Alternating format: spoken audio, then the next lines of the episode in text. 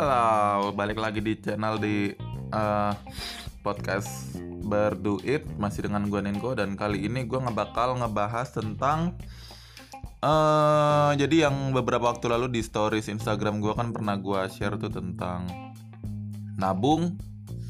Kok malah boncos gitu kan tabungannya? Jadi di situ ada kayak tabel itu hitungan Excel di situ ada annuity kemudian ada kolom lagi ada bunga, kemudian ada kolom fee, kemudian ada kolom uh, berapa yang akhirnya menjadi saldo awal kita.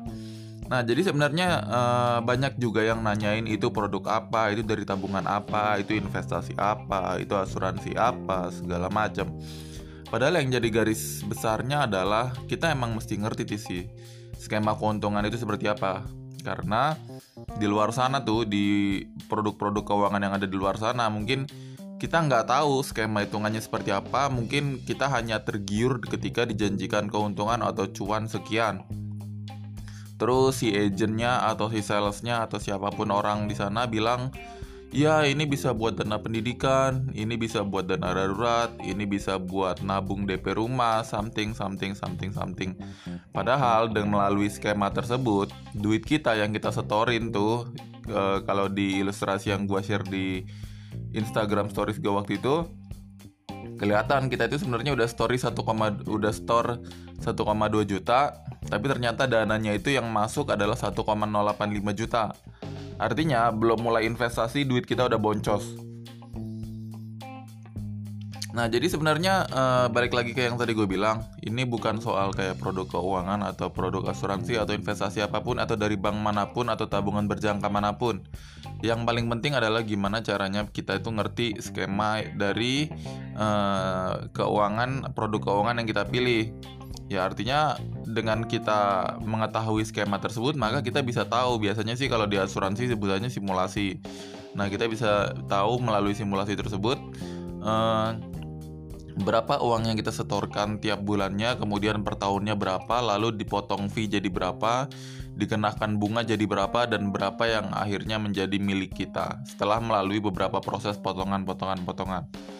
Nah, biasanya tuh kalau kita beli asuransi unit link, kita bakal ditawarin tuh simulasi-simulasi yang seperti itu. Jadi, kalau ya banyak sih gue lihat atau gue dengar orang tuh dia datang ke bank terus nyari asuransi jiwa terus ditawarin asuransi unit link terus kalau misalnya juga ada juga yang nyari tabungan pendidikan ditawarnya juga asuransi unit link juga Nah, pada saat kita menerima penawaran asuransi unit link tersebut, sebenarnya itu uh, kita bisa ngelihat simulasi di situ tuh seperti apa.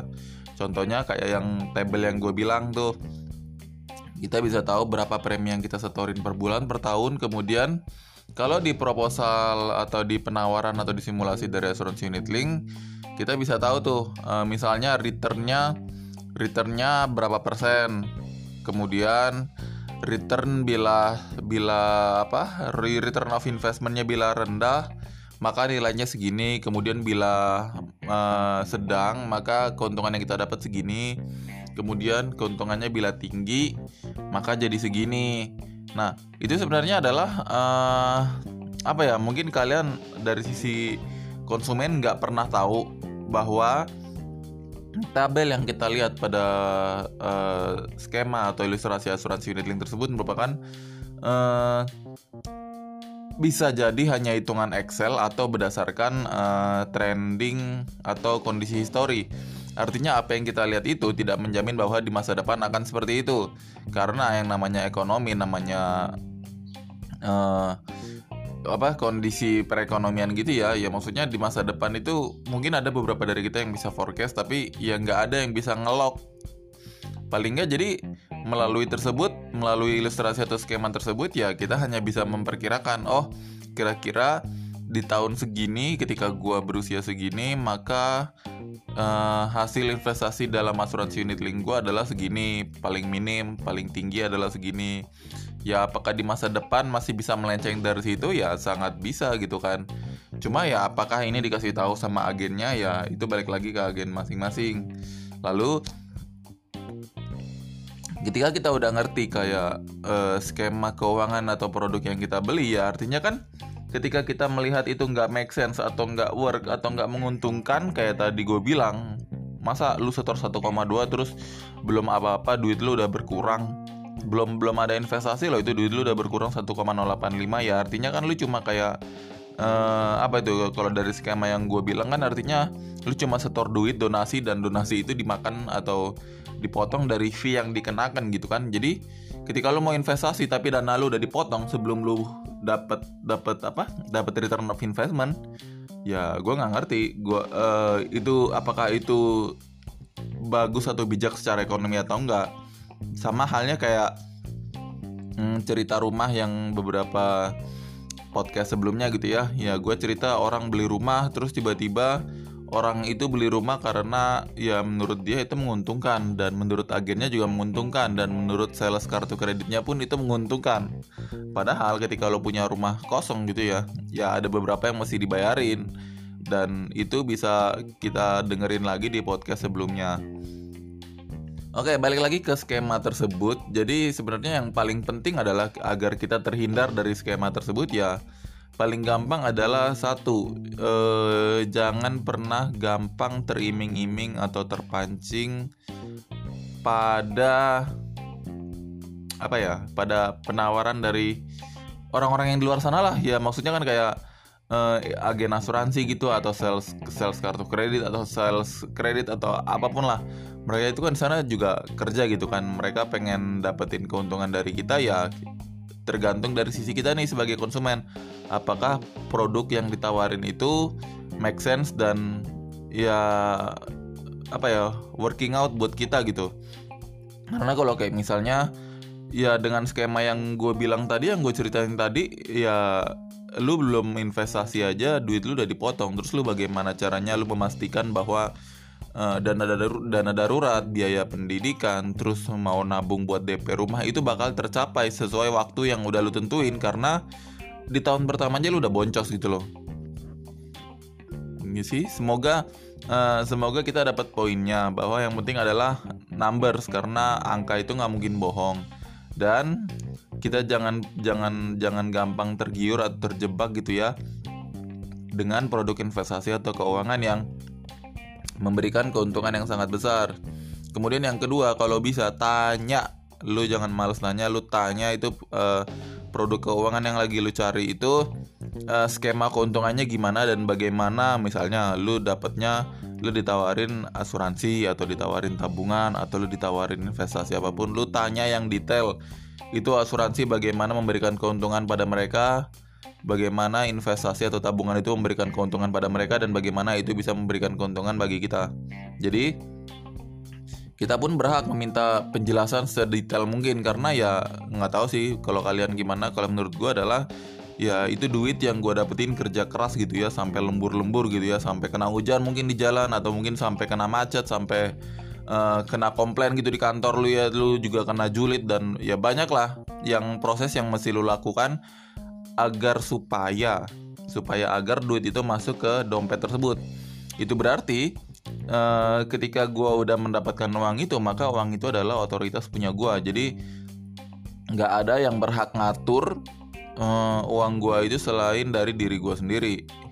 Itu sebabnya kenapa uh, gua selalu hati-hati buat memilih atau membeli produk keuangan. Nah, karena uh, kalau salah pilih itu bisa fatal loh guys. Misalnya kayak balik lagi ke skema yang tadi ya. Misalnya lu datang ke pihak mana pun lah itu. Lu datang pihak bank atau pihak ke agen asuransi mungkin nawarin atau mungkin ke investment manager or something or anything. Lu datang misalnya gitu kan bang gua mau nabung buat dana darurat dong. Oh bisa pakai produk ini aja produknya yang ditawarin yang skema yang tadi tuh. Ini untungnya bisa sekian loh nanti lu bisa pokoknya dijanjin ma janjin manis-manis tanpa dijelasin skemanya seperti apa dan kita sebagai pemilik uang sebenarnya. Kita percaya aja.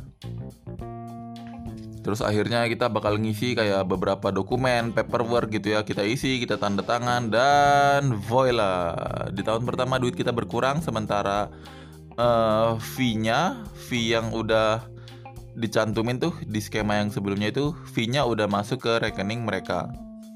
ya kalau kita nggak aware mungkin kalau kita nggak dikasih tahu skema tersebut atau kita nggak apa ya kita nggak melakukan ngecek atau audit berapa laporan keuangan berapa yang yang kita terima ya mungkin kita nggak akan pernah tahu dan bakal terus dibohongin seumur hidup bahwa sebenarnya tabungan yang kita setor itu boncos semakin lama kita sadar ya semakin terlambat dan ya I don't know. Artinya kita spend waktu uh, berinvestasi atau membeli waktu yang salah.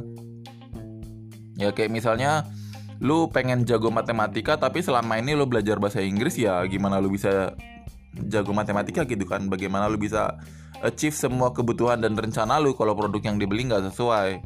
Nah itu sebabnya kenapa mesti mesti banget buat ngertiin skema produk keuangan yang kita beli kemudian yang terakhir adalah eh, biasanya kan produk keuangan itu memiliki kayak hmm, tenor atau pembayaran. Contohnya kayak misalnya asuransi itu kan dia ada tenor kan, lu mesti bayar sekian tahun. KPR lu mesti bayar sekian tahun atau KTA misalnya kredit tanpa agunan gitu ya. Lu pinjem duitnya terus lu mesti bayar sekian tahun dan lu lu wajib memastikan bahwa duit lu itu tersedia selama uh, tenor yang udah ditetapkan. Ya karena ya sebagai entah, uh, apa pun itu kan itu produk keuangan yang kita beli ya artinya kita masih siap dengan segala konsekuensi risiko dan komitmen yang terjadi di dalamnya.